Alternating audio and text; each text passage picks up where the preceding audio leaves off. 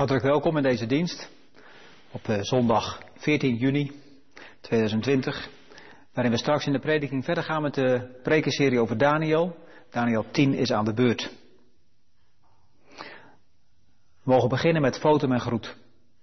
Onze hulp is in de naam van de Heer, die hemel en aarde gemaakt heeft, die trouw houdt tot een eeuwigheid en het werk van zijn handen nooit loslaat. Genade zij u en vrede van hem die is en die was en die komt. Van de zeven geesten die voor zijn troon zijn.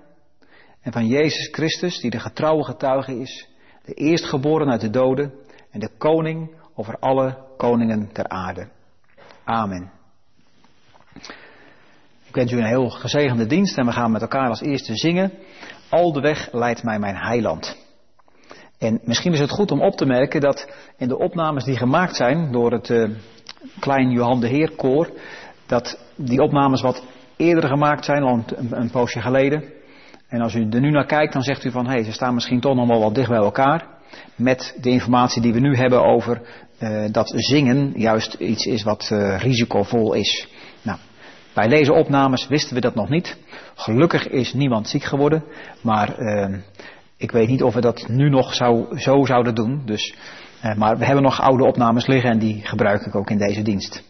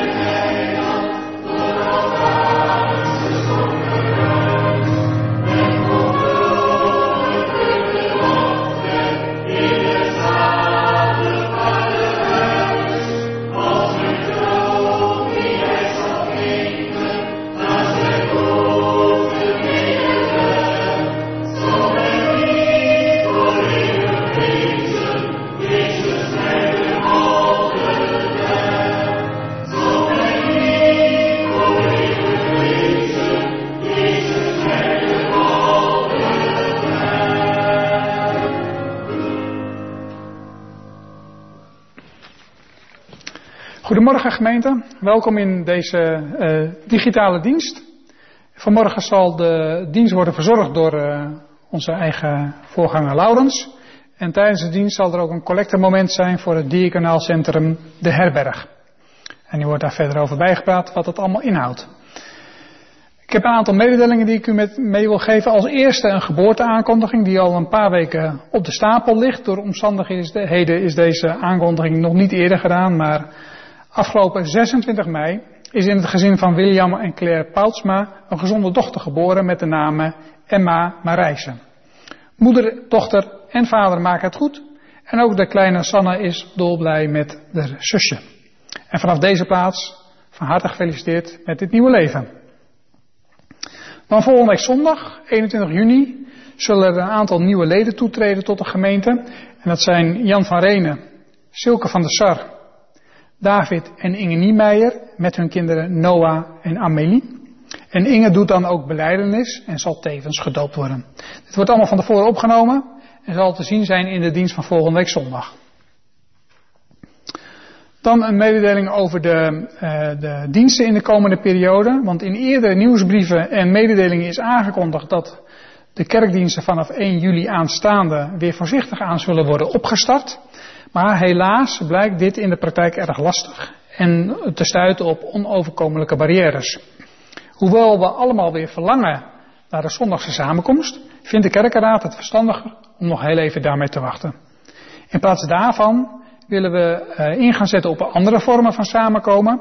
Bij voorkeur buiten het kerkgebouw. Dat is minder risicovol. En daarmee komen we tegemoet aan het verlangen om met elkaar op een veilige manier te ontmoeten. U zult hier te zijner tijd nog informatie over ontvangen. Dan aanstaande donderdag, 18 juni, dan hopen Harry en Lies van der Spoel hun 40-jarig huwelijksjubileum te vieren. En in de bettenbode staat hier een heel mooi stukje over, voorzien van een prachtige foto van 40 jaar geleden. En vanaf deze plaats alvast van harte gefeliciteerd, Harry en Lies. Dan vrijdag hoopt zuster Ellie Blok haar 90ste verjaardag te vieren, een mooie leeftijd. En het gaat heel goed met haar. Ze heeft gelukkig in deze periode een uh, mooie tuin waar ze van kan genieten. En we willen u ook vanaf deze plaats van harte feliciteren. Dan de zieken. Graag wil ik gebed vragen voor uh, de kleine Noah Benny. Het gaat gelukkig weer heel goed met haar. Ze is vorige week uh, in het ziekenhuis opgenomen geweest en mocht alweer vrij snel naar huis. Broeder Jaap Slacht mag aanstaande maandag even op bezoek bij zijn vrouw. Zijn vrouw Ali. En al twee keer eerder mocht hij haar spreken met twee tafels tussen haar in. Dat is natuurlijk erg ongemakkelijk. Maar nu mogen ze gelukkig samenkomen op haar kamer. En broeder Slacht is daar heel dankbaar voor. Verder wil ik de volgende personen bij u benoemen. Met de vraag of u ze in uw persoonlijk gebed wilt blijven meenemen. Dat is Henny Beni, die met een chemokuur bezig is. Heine Tolsma, die het heel moeilijk heeft. Geestelijk en mentaal door de ziekte van Parkinson. Chris en Rini Bron, ook voor een zorgelijke situatie. Willem en Hetty van Ginkel, die beide al langere tijd kampen met ziekte. Zuster Gerda van Zonneveld en zuster Trudy van Ekers. Dat waren de mededelingen en dan wil ik u vanaf deze plaats een hele gezegende dienst wensen.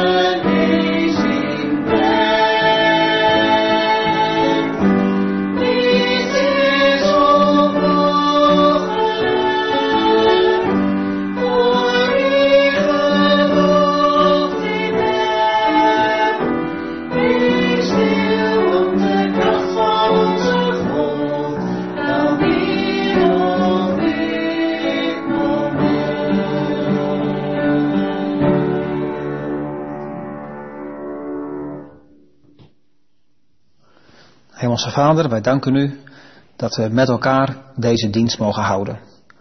Ook al is het op deze manier, online. Heer, toch voelen we ons verbonden met elkaar omdat we weten dat u ons hoofd bent en dat wij leden van uw lichaam mogen zijn. Heer, we bidden om uw zegen over deze dienst, over de verkondiging van uw woord uit Daniel, over de liederen die we mogen zingen tot uw eer en ook over de gebeden die we uitspreken, ook nu. Heer, als we bidden voor deze wereld, een wereld waar zoveel gaande is, de coronacrisis die zoveel mensen treft, niet alleen het virus, maar ook de gevolgen daarvan, we bidden of u daarin nabij wil zijn, voor mensen die uw hulp ook inroepen. En we bidden ook uw hulp voor het verplegend personeel, wat het al zo lange tijd zwaar kan hebben. Heer, we danken u ook voor een inzet. We bidden dat er een eind aan deze crisis mag komen. Heer, we bidden u voor andere zorgen die er in de wereld zijn. We denken aan de droogte, die ook ons land teistert. Heer, we bidden u om regen. Heer, we bidden u om uh, voor de problemen van de rassenhaat die op sommige delen van deze wereld nog zo springlevend blijkt te zijn. En we bidden of u verbroedering wil geven. Met name, of juist eigenlijk, door uw evangelie. Dat mensen zullen inzien dat u de schepper bent van al wat leeft. En dat er geen onderscheid is, geen meer of minder tussen mensen onderling.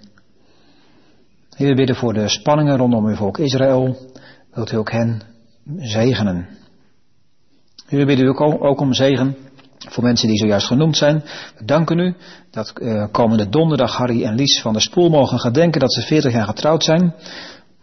Heer, geef dat ze terug mogen zien op uw trouw en op uw genade, waardoor ze ook uh, ja, deze tijd met elkaar hebben mogen doorbrengen. En zegent u hen ook voor de toekomst. We danken u voor de geboorte van Emma Poutsma. Heer, wilt u met dat jonge leven zijn en ook met de ouders en het zusje. Heer, zegent u dit gezin. Heer, we danken u dat uh, Noah Beni hier zo snel naar huis mocht en dat het goed met haar gaat. Wilt u haar ook verder nabij zijn. Heer, we danken u ook samen met Jaap en Ali Slacht dat ze elkaar weer mogen gaan ontmoeten. Al komende maandag. Heer, geef ze weer een goede tijd samen in de komende maanden. En Heer, we bidden uw nabijheid voor mensen die ziek zijn of die uh, een behandeling ontvangen. We denken aan Henny Beni. Wilt u haar helpen en sterken om goed door de chemokuur heen te komen, steeds weer opnieuw. We bidden voor Heine en Hilkje Tolsma. Wilt u hen nabij zijn in een moeilijke tijd. Heer, we bidden en danken u ook voor Ridi en Chris Brom, die weer bij elkaar zijn. We danken u dat het uh, gaat zoals het gaat, maar wilt u hen ook helpen om dat uh, zo goed mogelijk uh, ja, weer samen te leven. Heer, wilt u hen nabij zijn. We bidden voor Willem en Hetty van Ginkel. Wilt u uh, uitzicht geven op een spoedig herstel. We bidden voor Gerda van Zonneveld en Truie van Ekeris. Wilt u hen nabij zijn. En Heer, we bidden u ook al en we danken u voor Ellie Blok. Die komende vrijdag haar negentigste verjaardag hoopt te vieren. We danken u dat het goed met haar gaat en wilt u haar zegenen op haar hoge leeftijd. Heer, zo bidden we al deze dingen van u. En we danken u dat we het van u mogen vragen in de naam van uw Zoon, in Jezus' naam. Amen.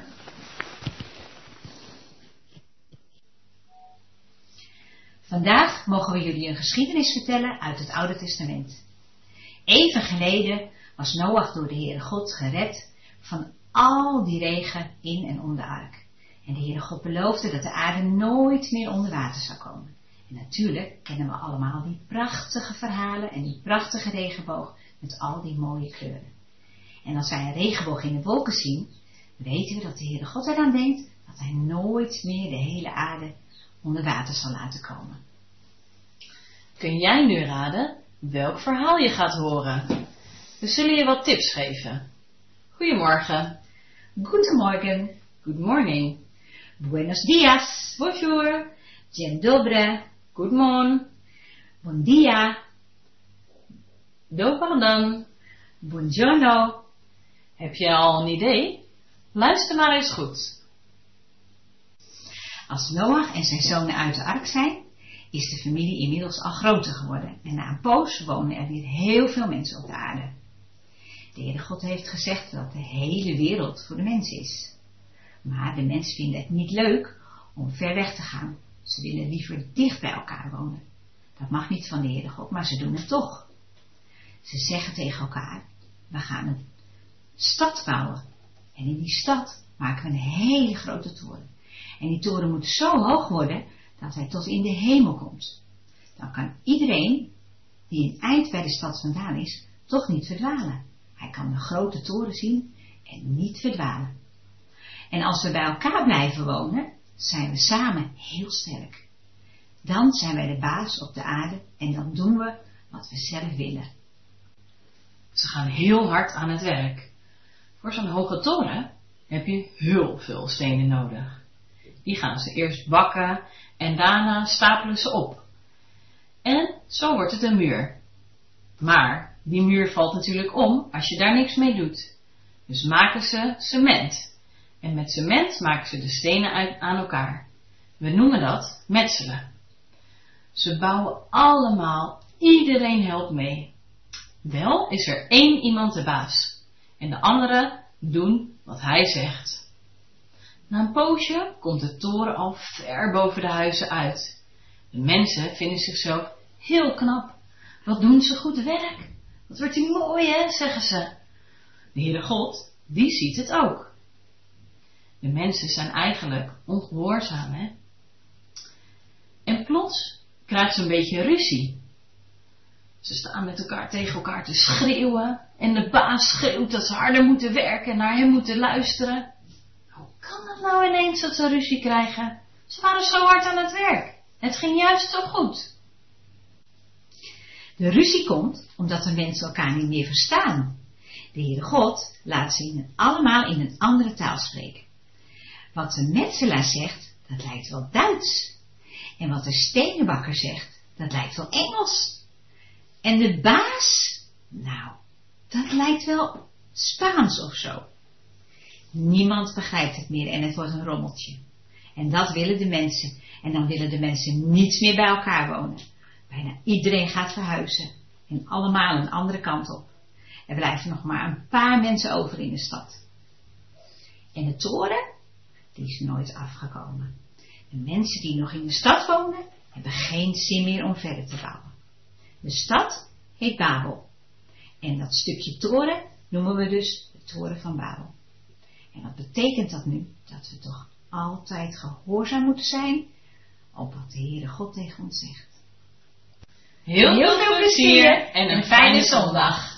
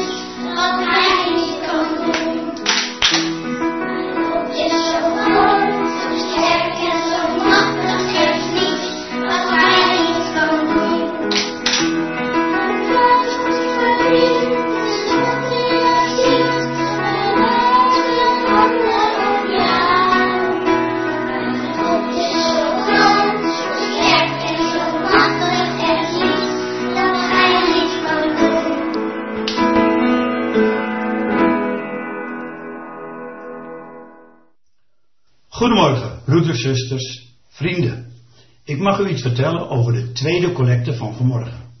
Deze is bestemd voor het pastoraal diaconaal centrum De Herberg. De Herberg is een christelijke leefgemeenschap en non-profit organisatie.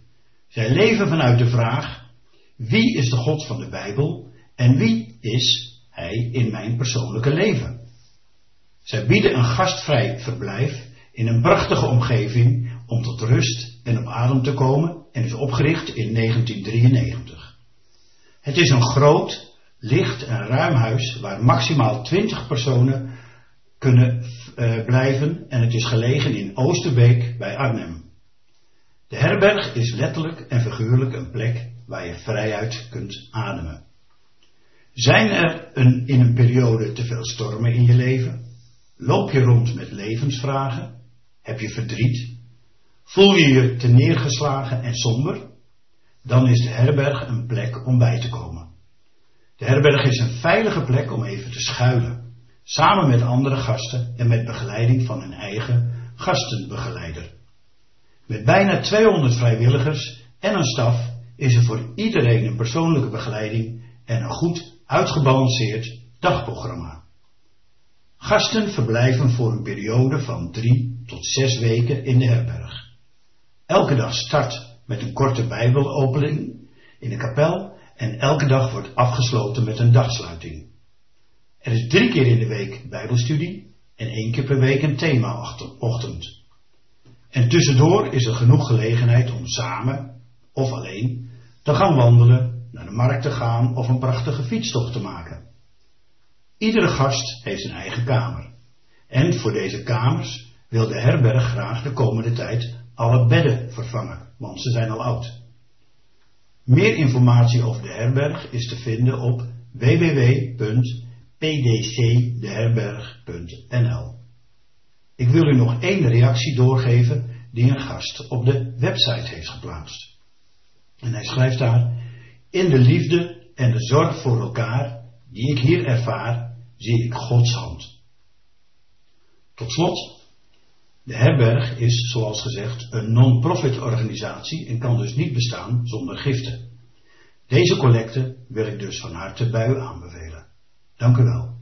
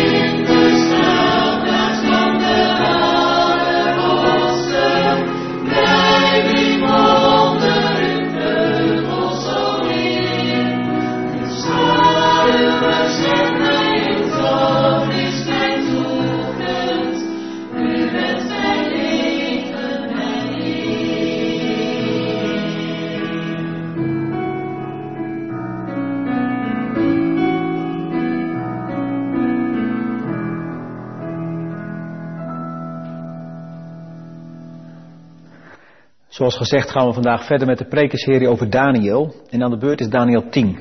We lezen Daniel 10 tot en met vers 1 van Daniel 11.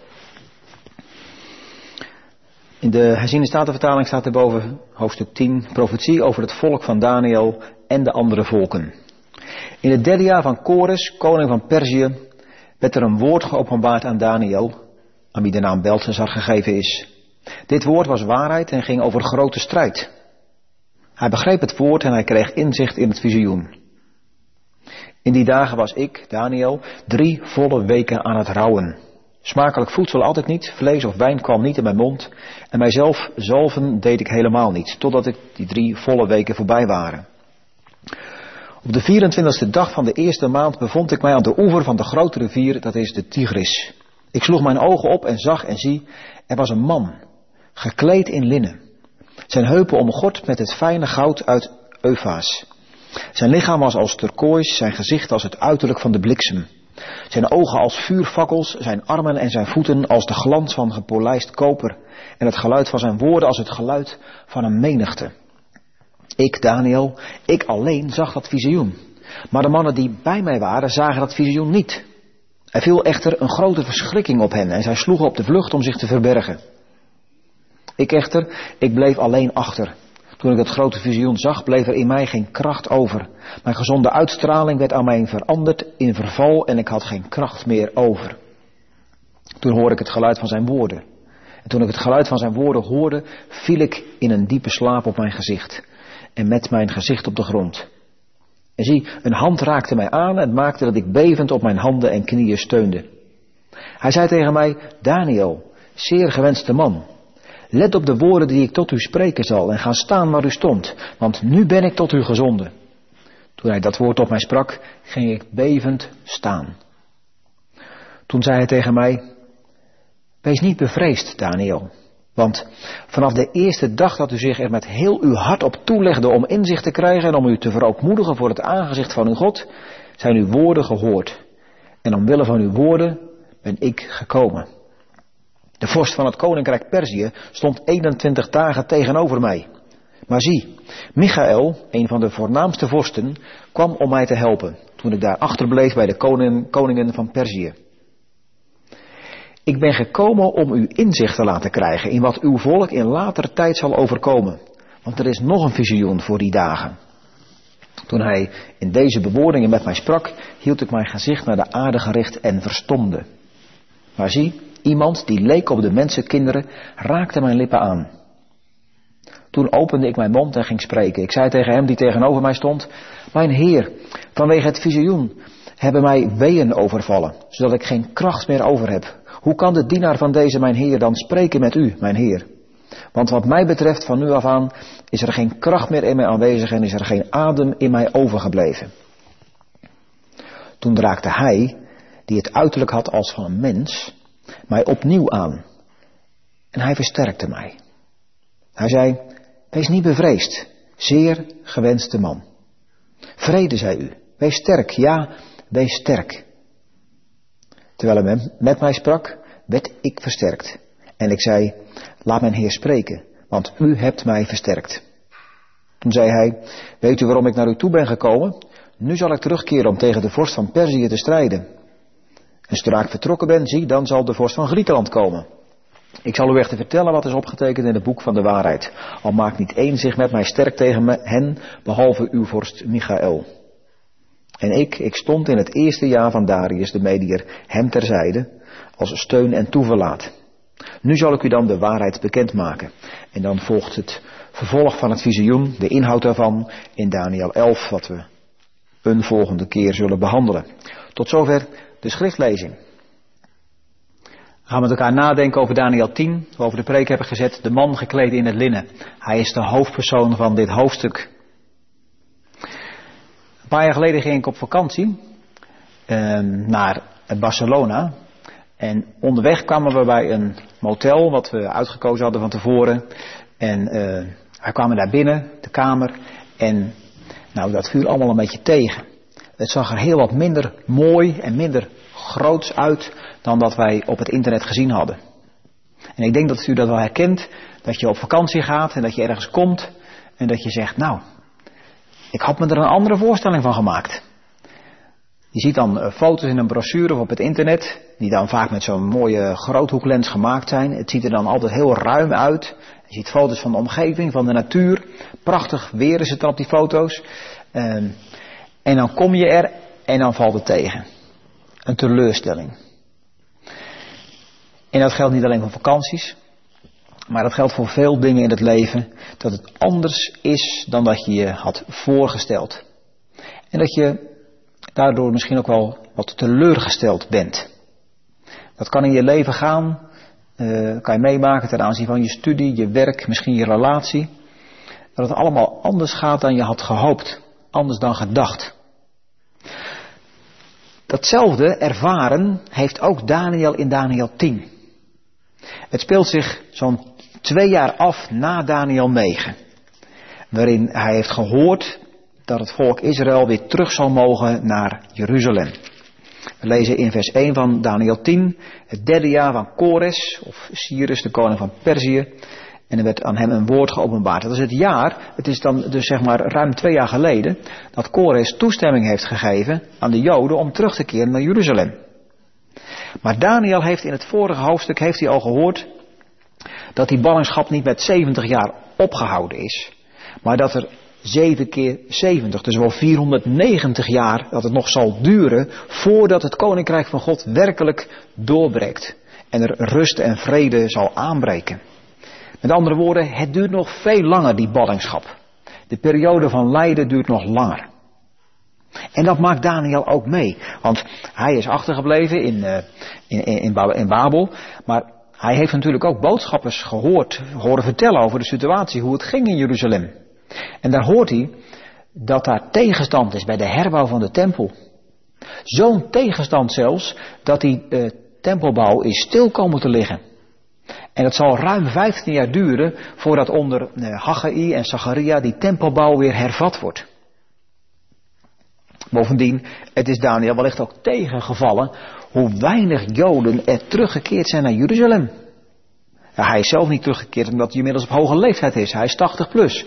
Maar van vele andere Joden, die zijn gewoon in Babel gebleven. Die keren niet terug. Dat is omdat zij niet echt naar Jeruzalem verlangen. Dat is wat wij secularisatie noemen. Dat is dat het verlangen naar de tempel, het verlangen naar God, dat dat op de achtergrond raakt. Daar hebben wij onze tijd ook mee te maken. Dat ons hart niet gevuld is of gevuld wordt met het verlangen naar het komende koninkrijk, maar dat we genoeg hebben aan het hier en nu. De secularisatie van het hart. Waar verlang je naar? Waar zie je naar uit? Dat is Daniel ook tegengevallen. Lijden. En het duurt zo lang. Het gaat zo anders dan hij gedacht had. Misschien herken je dat in je eigen leven. Dat je nu op dit moment in een tijd van lijden zit. Dat je chronisch ziek bent. Dat je misschien al tien jaar lang niet naar de kerk kunt. Dat je de coronacrisis lang vindt duren. En dat je graag weer contact met anderen zou hebben. Dat je misschien wel depressieve gevoelens krijgt vanwege de eenzaamheid waar je mee te maken hebt. Het duurt allemaal langer. Tegenslagen. Ze komen in het leven van elk mens vroeg of laat. En ook als christen heb je daarmee te maken. En, en, soms heb je daar zelfs dubbel mee te maken, omdat je ervan uitgaat dat juist omdat je gelooft, dat God je wel zal helpen. En dan is de teleurstelling des te groter als het anders gaat. Ook in je geloofsleven. Dat je beleidenis hebt gedaan, of gedoopt bent, of dat je tot geloof bent gekomen en dat je dacht, en vanaf dit moment gaat het beter. Nu gaat het goed in mijn leven. Nu is God aan mijn zij. Wat kan er nu nog overkomen? Wat kan er nu nog misgaan? En het valt tegen. Je valt jezelf misschien tegen. Daniel 10 heeft voor mensen die in lijden zitten, die met tegenslagen te maken hebben, een troostboodschap. Daniel wordt getroost. Hij krijgt bezoek. Hij krijgt bezoek van een man gekleed in linnen. We lezen erover in vers 5 en 6. Ik sloeg mijn ogen op en zag en zie, er was een man gekleed in linnen. Zijn heupen omgord met het fijne goud uit Eufaas.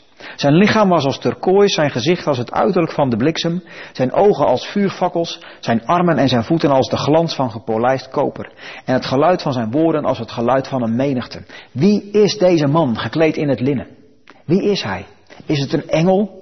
Sommige uitleggers gaan ervan uit dat het een engel is en dat het bijvoorbeeld ook Gabriel is, omdat hij dezelfde woorden spreekt tot Daniel, dat Daniel zeer gewenst is omdat het een engel is die ook wordt bijgestaan door de andere engel, Michael.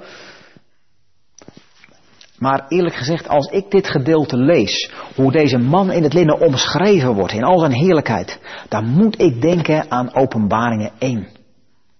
Waar Jezus verschijnt aan Johannes op Patmos.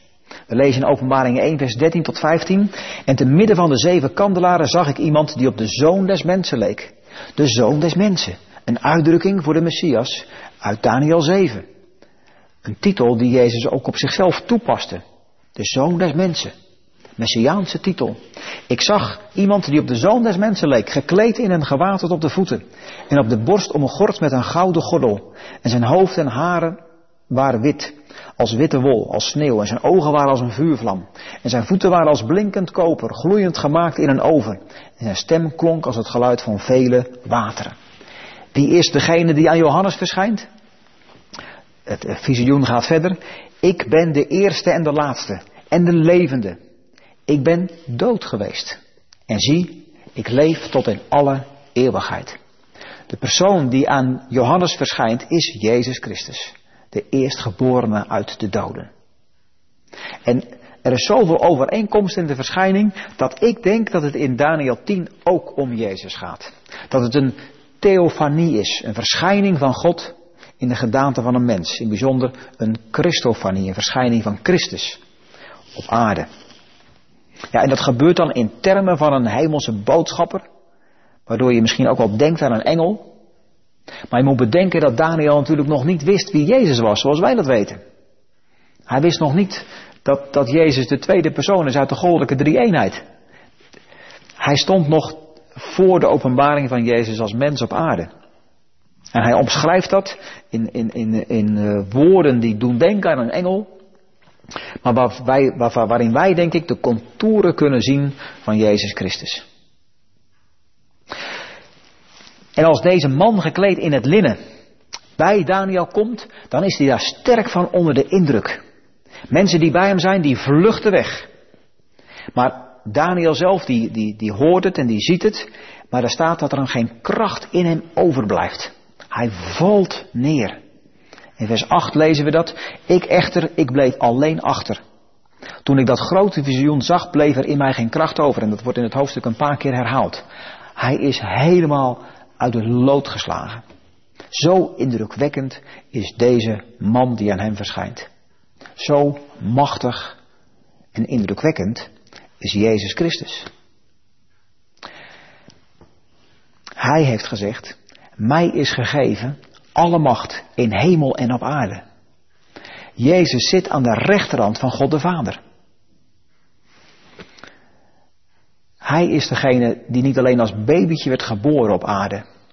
Die niet alleen machteloos stierf van een kruis. Maar die ook opstond uit de dood.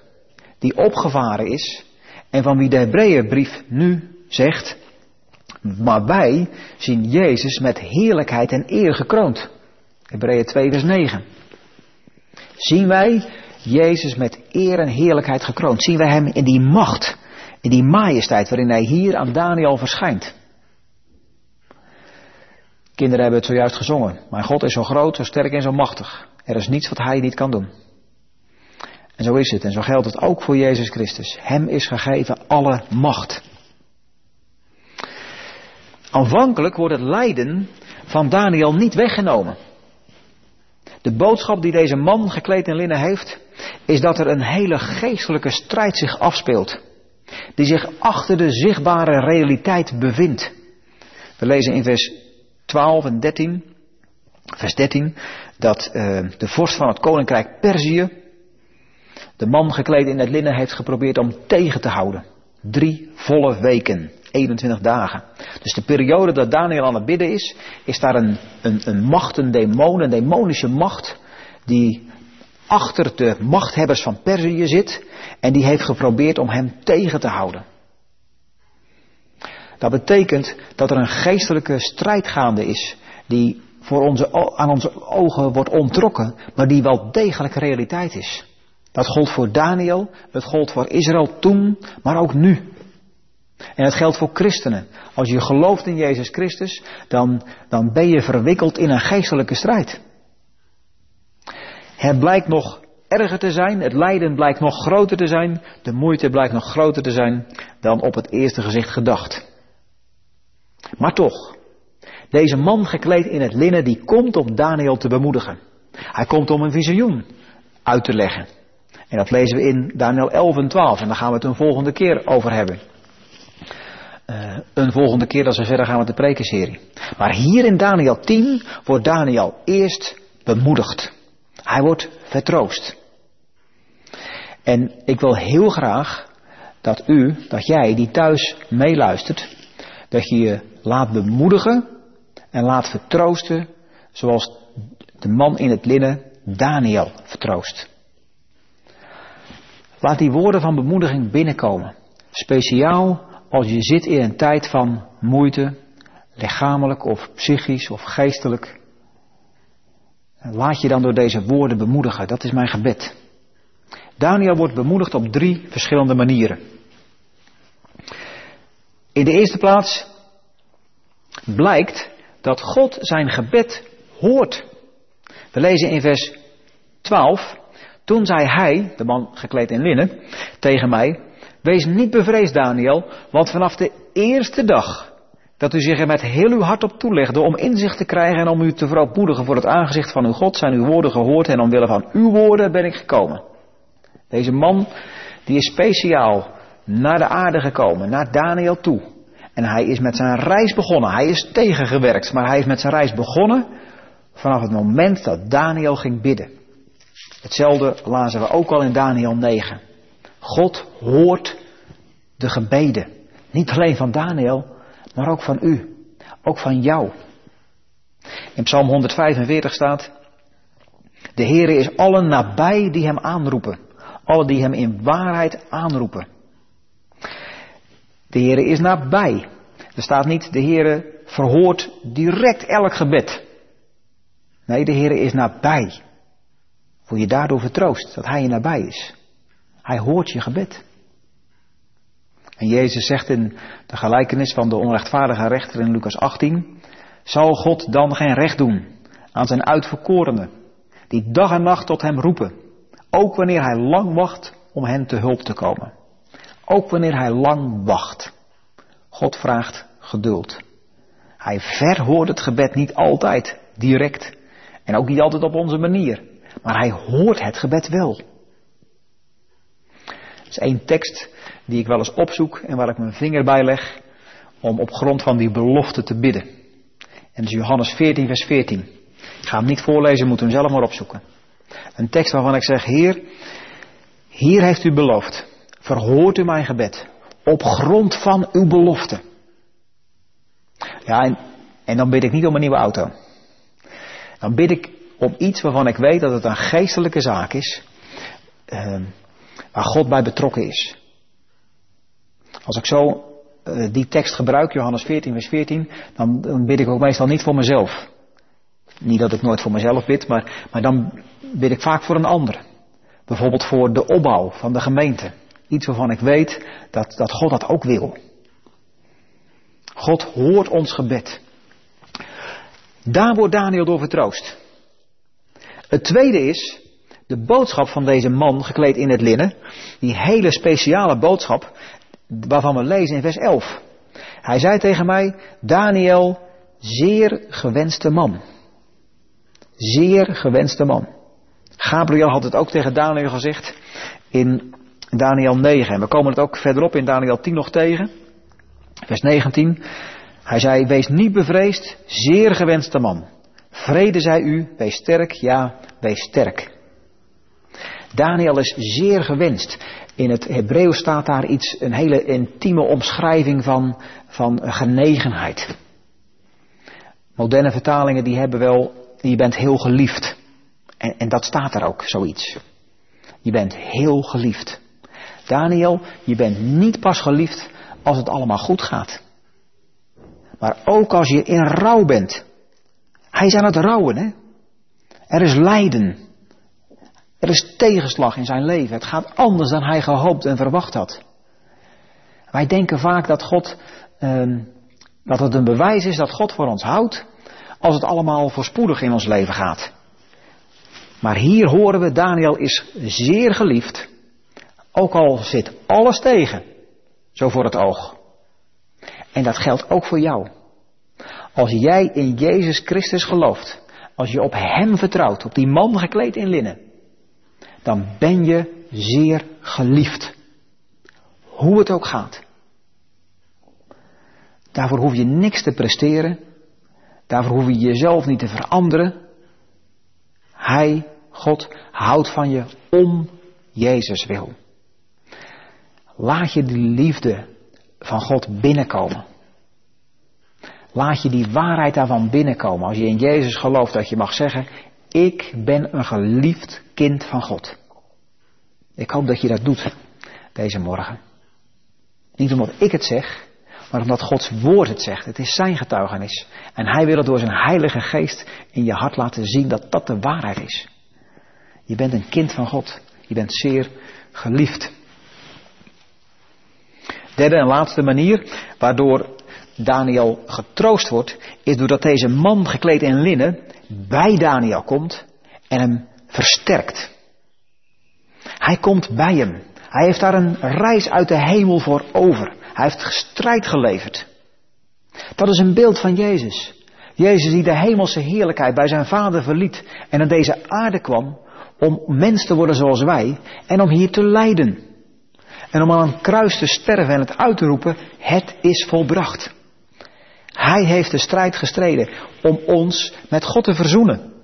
Om jou weer in de gemeenschap met God te brengen. Zodat Hij bij je kan komen. Zodat Hij kan zeggen, aan het eind van het Matthäus-evangelie, zie, ik ben met u al de dagen tot aan de voleinding van de wereld. Ik vind het mooi hoe de Heidelbergse catechisme spreekt, naar aanleiding van een vraag over de hemelvaart. Er staat in die catechismus een vraag, is dan Christus niet bij ons tot aan het einde der wereld, gelijk hij ons beloofd heeft? Want Jezus is naar de hemel gevaren. Is hij dan niet bij ons? En dan zegt het antwoord, Christus is waarachtig mens en waarachtig God. Naar zijn menselijke natuur is hij niet meer op de aarde. Maar naar zijn godheid, majesteit, genade en geest wijkt hij nimmer meer van ons. Hij gaat nooit meer bij ons vandaan. Ik ben bij je. De man gekleed in het linnen, die komt naar Daniel toe en hij is bij hem. En ja, dat is indrukwekkend. Maar het is ook vertroostend en versterkend. Hij versterkt Daniel op twee manieren. De eerste manier lezen we in vers 18. Toen raakte hij, die het uiterlijk had als van een mens, mij opnieuw aan en hij versterkte mij. Daniel wordt daar aangeraakt. Niet de eerste keer. We hebben het al eerder in het hoofdstuk gelezen. De man raakt hem aan. Het is als het ware een, een, een teken van Gods aanwezigheid. En dat kan je in je leven ervaren door de Heilige Geest. Dat je rust en vrede hebt, te midden in een tijd van moeite en verdriet. Dat God bij je is. Dat is die goddelijke aanraking. Die ervaar je misschien niet elke dag. God is daar vrij in om je dat te laten voelen. Maar zo'n ervaring, daar kan je door versterkt worden. Veel gelovigen kunnen ervan getuigen dat ze in hun leven die momenten hebben meegemaakt. Maar er is een tweede manier, uh, die veel vaker voorkomt, waardoor God ons versterkt. Vers 19 lezen we, hij zei, wees niet bevreesd, zeer gewenste man, vrede zij u, wees sterk, ja wees sterk. Terwijl met mij, terwijl hij met mij sprak,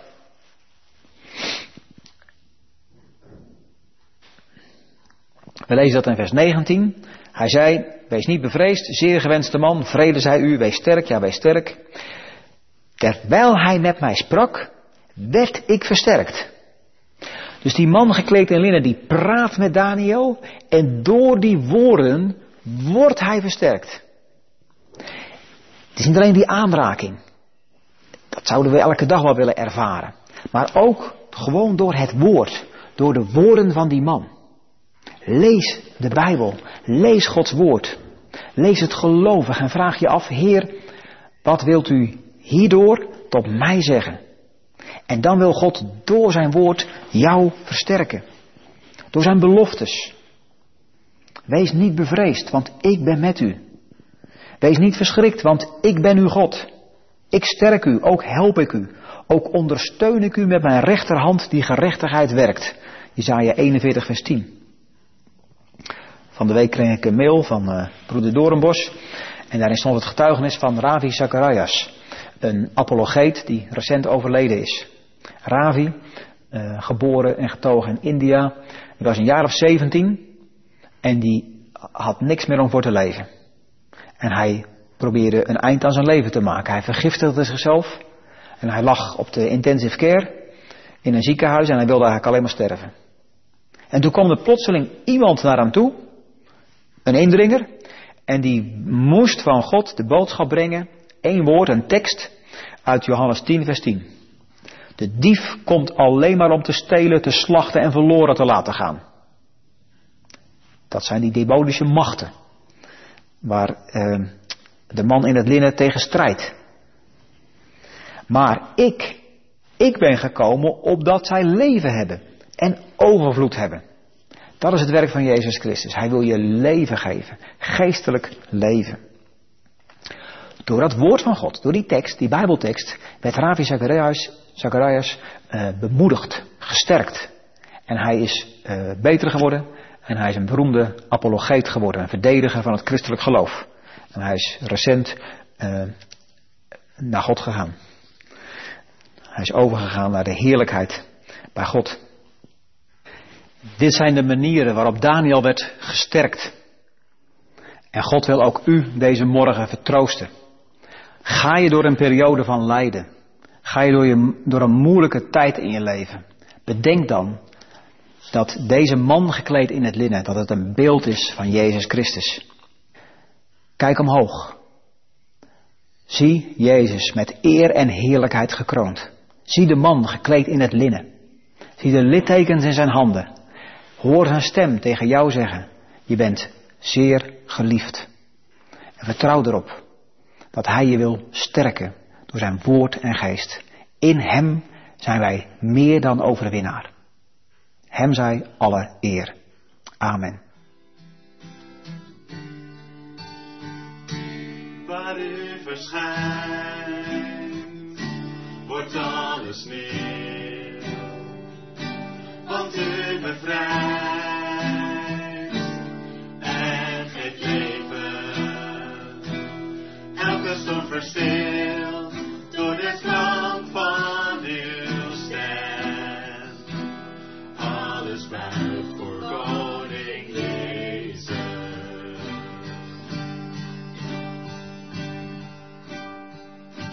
U bent de held die voor ons strijdt.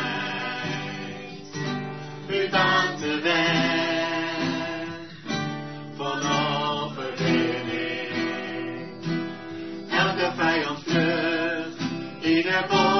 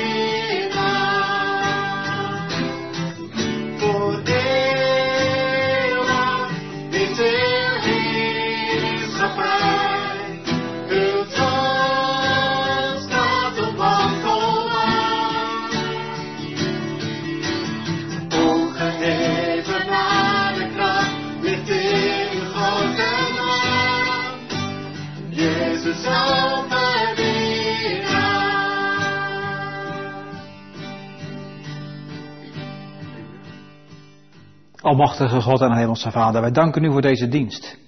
Wij danken u voor alles wat we gehoord en gezien hebben. Voor de liederen die we mochten zingen. We danken u voor uw woord, waardoor we gesterkt zijn. Heer, wij geloven dat Daniel 10 een boodschap is die mensen die deze eh, video of deze dienst zullen beluisteren of zien, dat het een boodschap is die hen zal versterken. Een boodschap van u. En we geloven dat uw woord krachtig is, ook in deze tijd. U bent nog steeds de man gekleed in linnen, in al uw heerlijkheid zit u aan de rechterhand van God de Vader. En eenmaal, Heer Jezus, komt u terug en zal duidelijk worden dat u de koning bent van uw hemelse koninkrijk, wat zal doorbreken. En we bidden of u ons wil helpen om daarnaar uit te zien, daarnaar te verlangen. En tot die tijd, wat ons ook overkomt, in welke situatie we ons ook bevinden, Heer, willen we ons laten sterken door uw geest en door uw woord. Heer, we danken u dat u dat wil doen, dat u zo'n God bent en dat u onze gebeden hoort. Wees met een ieder van ons. Heer, we vragen zo om uw nabijheid en pleiten daar vrijmoedig op, omdat het ook uw eigen verlangen en uw eigen belofte is. Heer, zo bidden we om een zegen voor ons allen in Jezus' naam. Amen. We zullen deze dienst afsluiten met de zegen en een slotlied. De genade van de Heer Jezus Christus en de liefde van God en de gemeenschap met de Heilige Geest, zij en blijven met ons allen. Tot Jezus terugkomt. Maranatha. Amen. Het slotlied wordt opnieuw gezongen door het klein Johan de Heerkoor, zal ik maar zeggen. En zij zingen Johan de Heer 133, Hij die rustig en stil. En ik wens u die rust en die vrede toe waar dit lied over spreekt. Zie slechts op Hem. Volg gehoorzaam zijn stem. Blijf maar rustig vertrouwen, altijd ziende op de man gekleed in het linnen. Jezus Christus. Ik wens u een gezegende zondag, een goede week en tot volgende week.